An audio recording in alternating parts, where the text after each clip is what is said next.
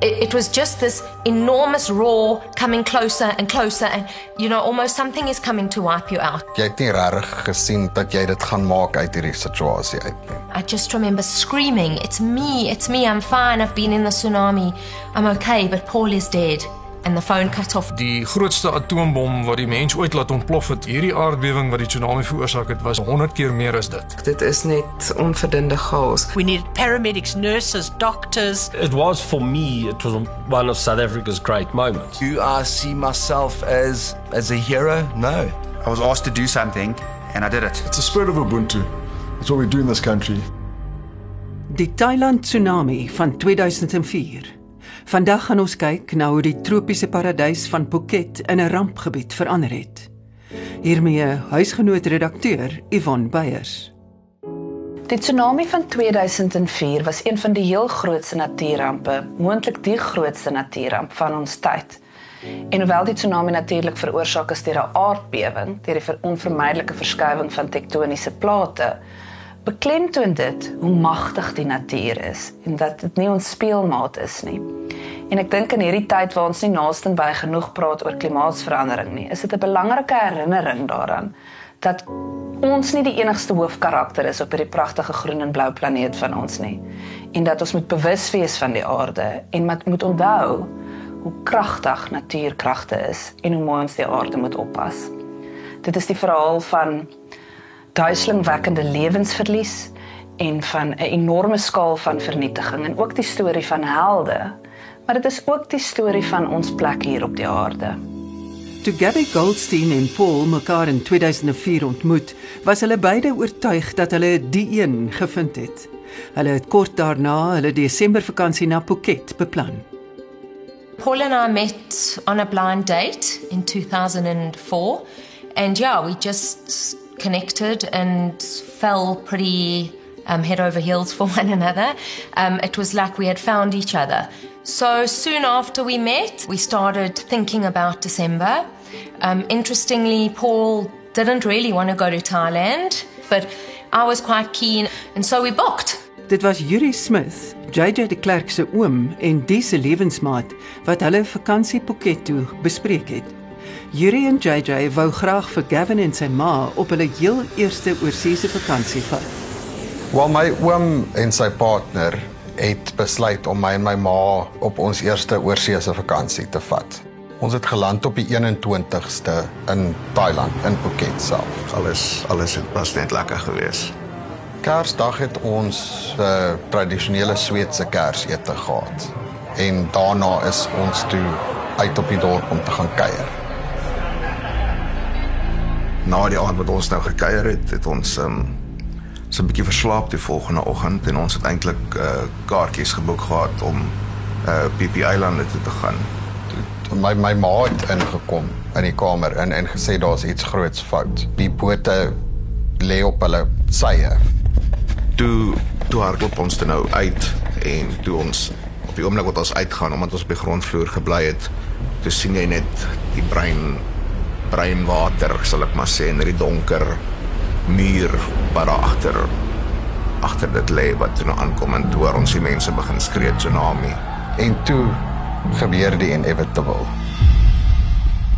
The 26th of December we were just relaxing and the last conversation that we had Paul said to me he's got a really bad headache. I said to him I've got pills for you and he said don't forget I'm allergic allergic to sulfur and penicillin And I said to him, please rather don't take the pills I've got. We don't want trouble on an, you know, you don't want to land up in a hospital on an island. And as I said that, um, we heard this, this noise that the only way I can describe it, and the next time you are in this scenario, is sitting right next to the jet of an aeroplane that's, that's taking off.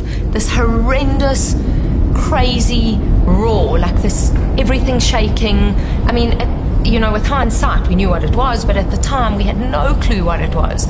It, it, was just this enormous roar coming closer and closer, and, you know, almost something is coming to wipe you out. You don't know what it is, but that's what's happening.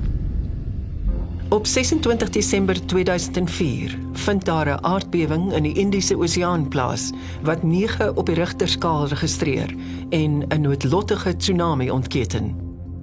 Ons hotel was in 'n U-vorm, soos 'n perskoen gebou. Daar was geen manier om agteruit te gaan nie. So ons het die skuifdeur toe getrek en ons het omgedraai, hande gevat en gestaan en ons het gebid en toe slat hy. Ek dink ons het al drie net vrede gehad in ons harte. Dit is dit is nou klaar. Jy het gebid, maar jy, jy het nie regtig gesien dat jy dat jy dit gaan maak uit hierdie situasie uit nie. Ja, toe die water op begin kom en dit hierdie tussen die deur die kusyne en die goed het dit nou deurgekom, maar uh, ons vensters het nie eens gekraak of te deurgebreek of niks nie. Dit het dit het 'n vistank gevoel gehad. So it's all in, in three seconds. Paul pulled me into our bathroom, um, and with that, he literally said, I'm going to die, I'm going to die. And my last words to him were, I love you, I love you. And I just remember putting my hands over my head and everything collapsing on us. I remember thinking, this is it, what am I going to do? And with that, I lifted up my head. Somehow, I mean, miracle. And I lifted up my head and managed to get some air. But I was basically buried under five meters of rubble. Paul was on top of me. I could feel his, his calves. So it was very frightening. I, I, I, I just kept, you know, saying to myself, I have to stay awake. And with my screaming came what I could hear as a very elderly couple. Um, and I remember saying to them, I'm begging you, please don't leave me. Like, you can't leave me under here. I won't make it. And they left me. Um, and I remember that being so terrifying. And the strangest thing is when the guy who saved my life, um, an angel from Australia, he said to me that that elderly couple are the people that called him. And again, in total, it was probably three hours from the time the tsunami hit to the time they managed to get me out. So vinnig soos die water ingekom het, so vinnig het dit teruggetrek. Toe het ons my oom gehoor skree van bo af. Toe sê hy kom kom net tot by ons ten minste en dan gaan ons van daar af beplan wat is die volgende stap. In hierdie tyd toe ons opgaan, het ek toevallig een van die mense wat die vorige aand op Kersaand ete gehad het saam met ons of wat ons gesien het in die restaurant, het die ou afgekom en sy kind was in die swembad gewees en hy het hysteries geskree want want toe sy kind weg en dit is nogal iets wat my baie gebly het en al verspook het in 'n manier was was die ou se hoe hy daar neer geval het en sy hande geslaan het op die grond en sy sy kind is weg.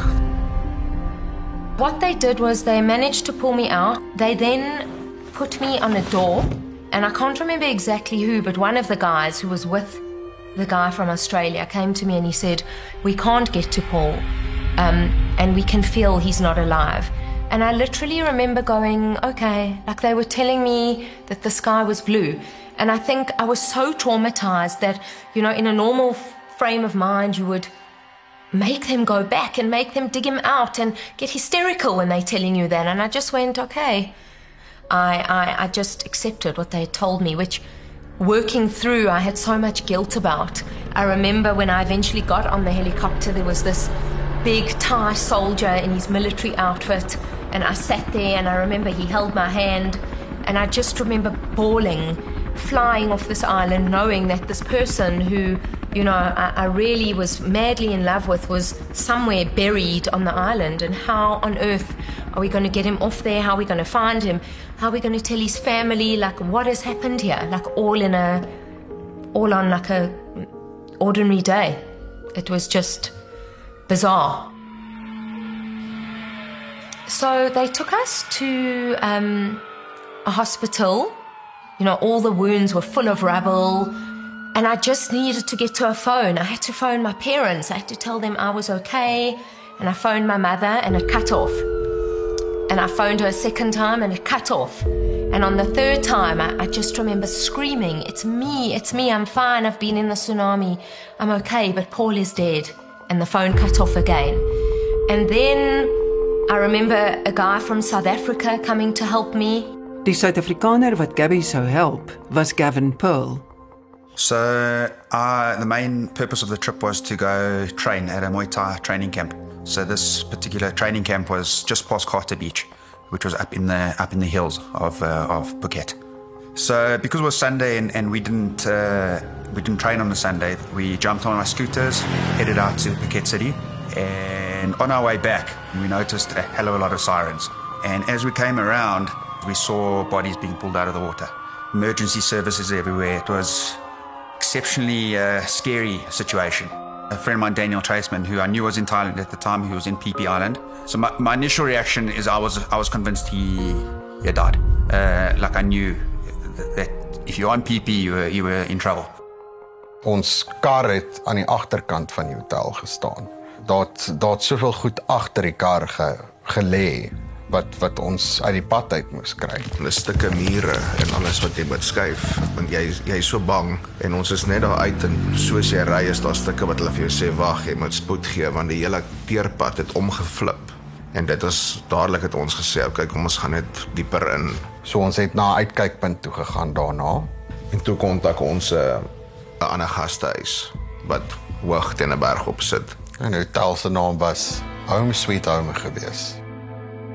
Toe die nuus oor die tsunami bekend gemaak is, was dit huisgenoot joernalis Hanelie Booyens wat die pad Phuket toe aangepak het om die storie te dek.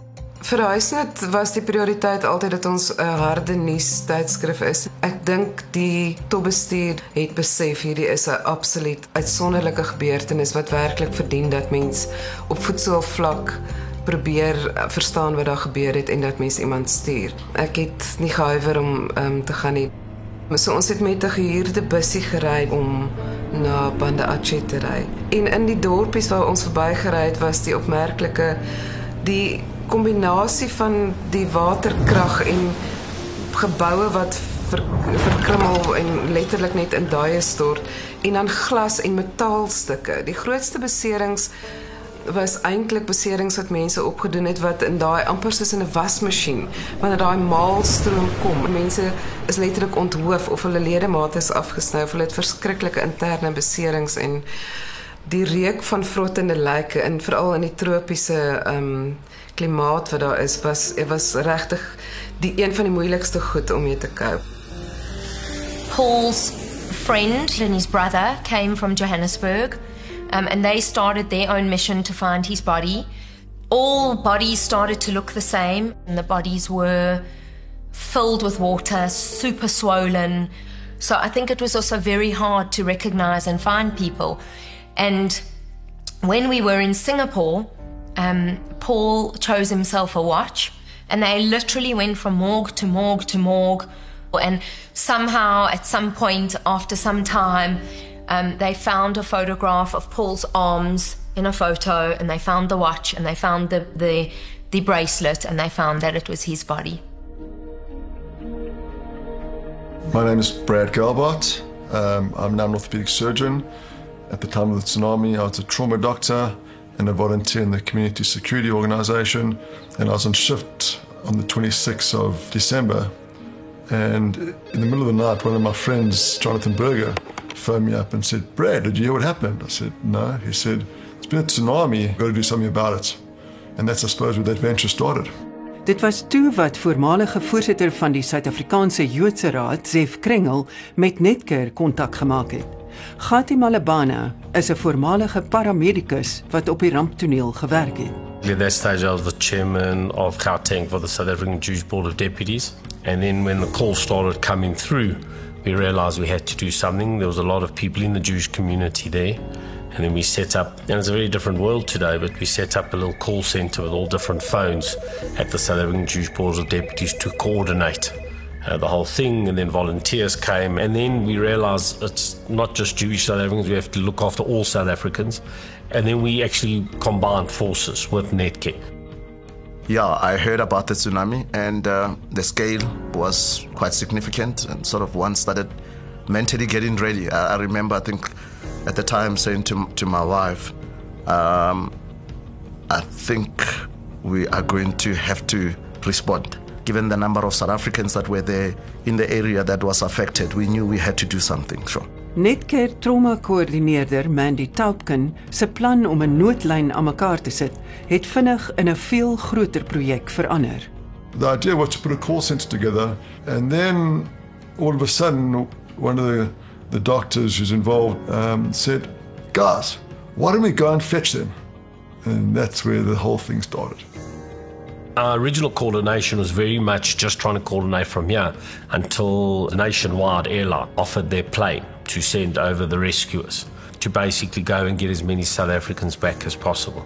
Once were on board, then Discovery came on board, and Morris Goodman joined our team, uh, and somebody made the call to Nationwide Airlines and found us an airplane. And then through the Board of Deputies and through their connections with government, uh, the Department of Foreign Affairs came on board, and now we started having something that looked like it might be doable, and then we had to go and do it.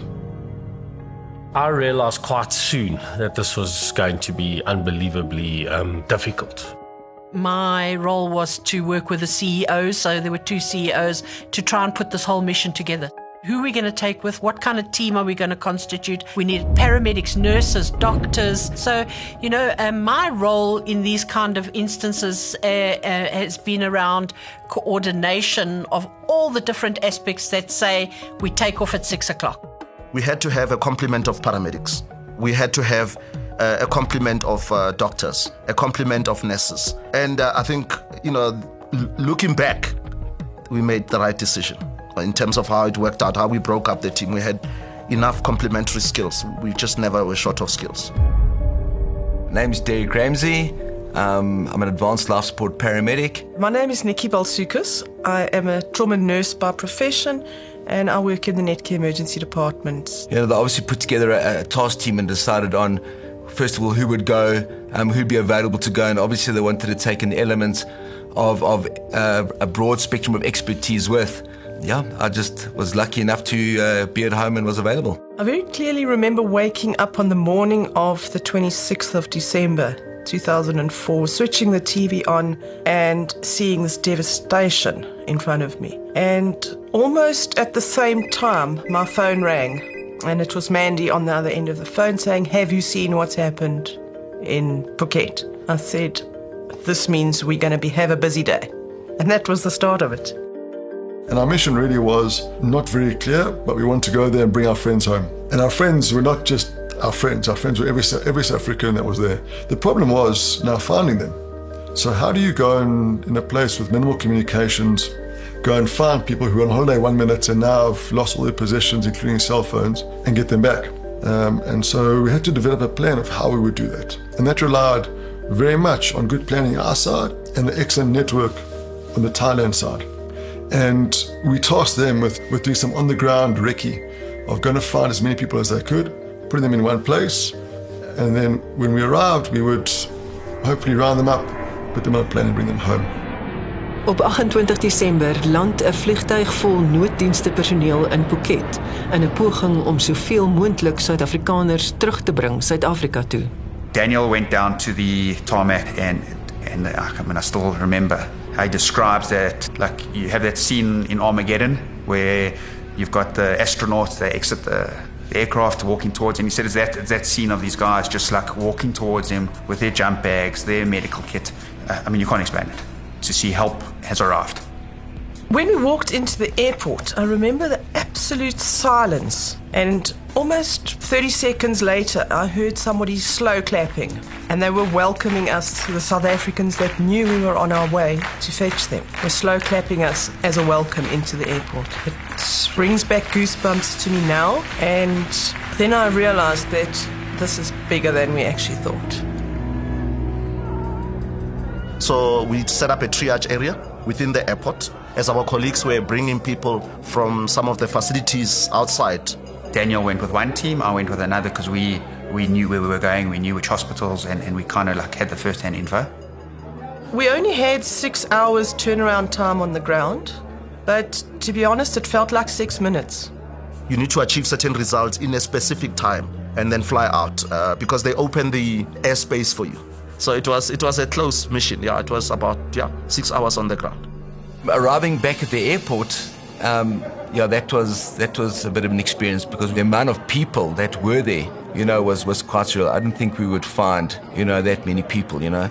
When I got back, it looked well over 80 people, you know, when, when, when we got back, so which was which was great for us. Toe ons op die lughawe aankom het ons geen Suid-Afrikaners gesien nie. Dis die mekaar uh toe sien ek 'n ou met 'n T-shirt wat hy aangetree het wat gesê het if you're South African follow me. En toe ons die ou in die hande kry, toe gaan ons saam in die ysbak op by hom en toe ontmoet ons klomp Suid-Afrikaners. En toe moes ons wag, 'n paar ure net wag en toe is ons weg. We turned a jumbo into a makeshift ambulance. Literally, we had patients strapped onto um, either scoop stretchers or spine boards. Those were then strapped onto, you know, the chairs, the patients that couldn't sit. And yeah, we had a, a mobile makeshift ambulance, you know. The flight back was very somber. The part that hit the hardest was uh, also starting the counseling part of those South Africans who had lost their partners, who had lost their parents. And it's, I think, also emotionally knowing that uh, we, we had some South Africans who were in body bags with us in the aircraft. Also, again, set the mood very differently. We were repatriating the body of a mom whose children were on the flight with her husband. And at times we were looking at the innocence of these children who were laughing and playing with toys, and the dad who was sitting alongside them, absolutely devastated. That brought out the emotions in us as the nursing staff. Every now and again, the nurses would call a meeting, and the five of us would meet in the galley for our staff meeting, where we shed a tear, had a cold drink, and re- then returned back to our patients. Um, and we pulled strength from each other because we had to be strong for the people that had suffered such a loss and those that were injured. The focus acutely for, for people in the medical profession is to, of course, be there for the patient. You don't worry about your own emotions, about yourself. You kind of block those, you can deal with them later. You, you put primarily the patients and everybody that needs you in, in the front line first. When you're on the plane, and you know, once everyone was stable, we had the chance to sit down and talk to everyone, and how they survived it, and how when it came in, how when the tsunami came, they were in the roof on the on the girders, holding on for dear life, when this water was rushing. You just sat listening to everyone's story. That every single person of the 68 or whatever on the plane had a story. I think we're very proud that the South African system pulled together was able to get off the ground in two days to go and fetch South Africans and bring people home. I think to bring back four people who had died. So we brought them back, but we were unable to get there quick enough to do anything about about it. But uh, but I think also important to have brought them home to their families. Yeah. Everyone was just on this rescue mission to get everyone back. Um, they put us on a plane. I remember we flew back on New Year's Eve. Wasn't my best New Year's Eve uh, in history. For me, what I took and I still take strain was dealing with the families. Because I was always the one leading up. It was a lot of the people I had to tell the family. I've always taken strain. I was totally traumatized. You know, it was a double trauma. I was in this in this in this earthquake with this tidal wave, and on top of that, I lost the person who at the time was the person, and I, I had a lot of survival's guilt. How could I go with a strong, big, well-built man, and I made it and he didn't? How can his family be going through this, and my family is so grateful to have me here? you know?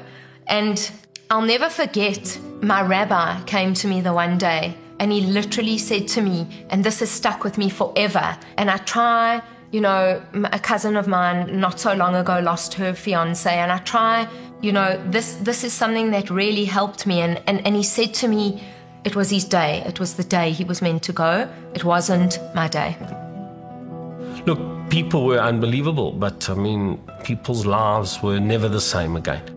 And I think for me, the hard part was that um, no one expected it. You know, it wasn't like you were sending your kid, uh, I don't know, into into Afghanistan. They, they were going for a holiday. You know, in Phuket, it was like you couldn't couldn't have had a better, you know, uh, a better December holiday, which landed in absolute tragedy. So very, very. For me personally, I, I- still take a lot of strain. It's really hard strike. Yeah, and at the same time, I was having it was the birth of my daughter. You know, which was a it was a very for me it was a very hard time. because there was such happiness in seeing your, you know, your daughter being born, but around people who, who had lost so many other people. Uiteindelik het die tsunami van Desember 2004 meer as 220 000 sterftes tot gevolg.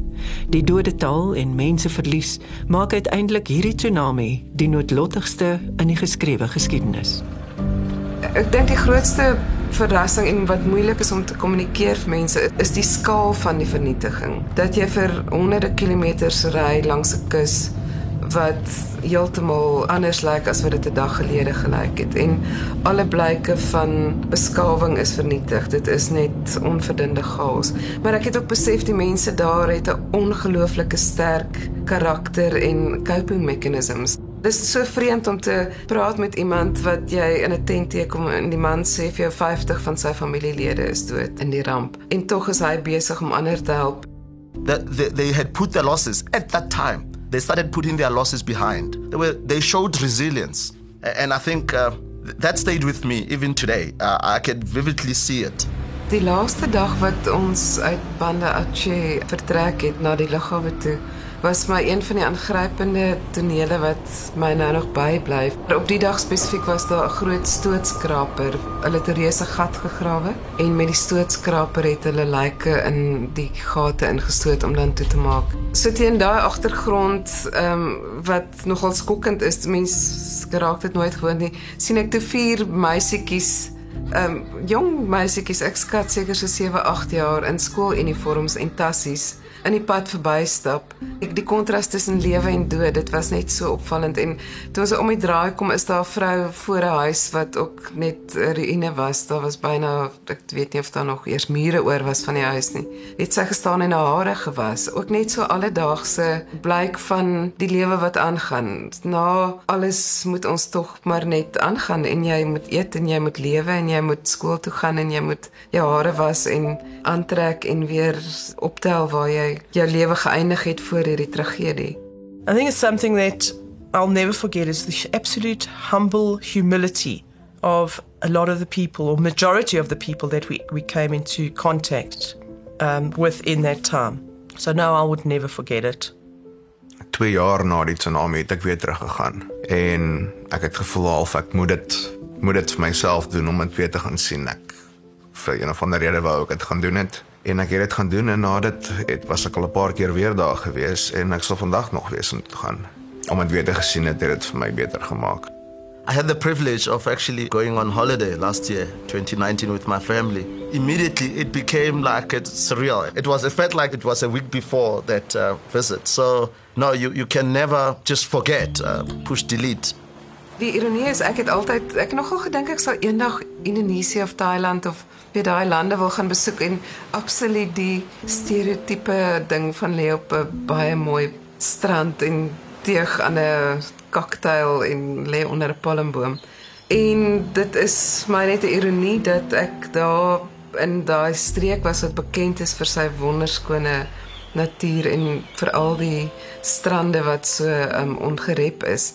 En my ervaring daarvan was iets heeltemal anders. Dis asof jy in 'n uh, landskap is wat amper ondenkbaar is. Dis amper soos 'n fliek wat jy nie dink dat jy in jou lewenstyd ooit soveel vernietiging sal sien nie. I remember most of that day and the days that followed like it was last week. I'll never forget it. I can never ever forget it. It's something that will be with me and imprinted on my soul forever. As mens terugkyk op jou loopbaan, is daar sekere goed wat uitstaan en dit was een van daai stories wat jou absoluut geruk het. Ek dink emosioneel, fisies, dit het lank amper nog 'n ripple effek op my gehad en op my loopbaan later. Mens kan ook nie in angs en paranoia leef nie en mens moet maar net hoop dat ehm um, die ergste op hierdie manier nie ooit met jou sal gebeur nie. Veral in plekke in die wêreld waar natuurrampe gereeld voorkom, dink ek is daar ook 'n amper nie 'n fatalisme nie, maar 'n 'n gelatenheid van dit gebeur die natuur het 'n ritme en 'n manier en elke paar jaar gaan so iets ons tref en volgende keer maak ons beter voorsiening daarvoor en ons bou weer op en begin nuut. So in 2008, four years after the tsunami, I met a man. And we dated, and it was bumpy. And, you know, I think it takes someone really special to be able to hold that amount of stuff and that amount of baggage um, and to have enough insight to kind of be there. And yeah, it, was really what I needed. And we got married, and yeah, we've been married for 10 years. We had two beautiful children, and I'm just really grateful and happy with how my life turned out. Um, if I look back, it was really hard, but you know, time goes by and time does heal to always be with me. But lucky for, I'm, I feel really lucky and really grateful for what I have in my life now. Vakansie, viering en vreugde weggespoel deur verwoesting en vrees. Die tsunami van 2004 het 'n diepgaande impak gehad op die mense van Phuket, Thailand en die wêreld as geheel. Maar dis die ywerigheid van Suid-Afrikaners wat mekaar ten spyte van grense wil bystaan wat in die episode seëvier.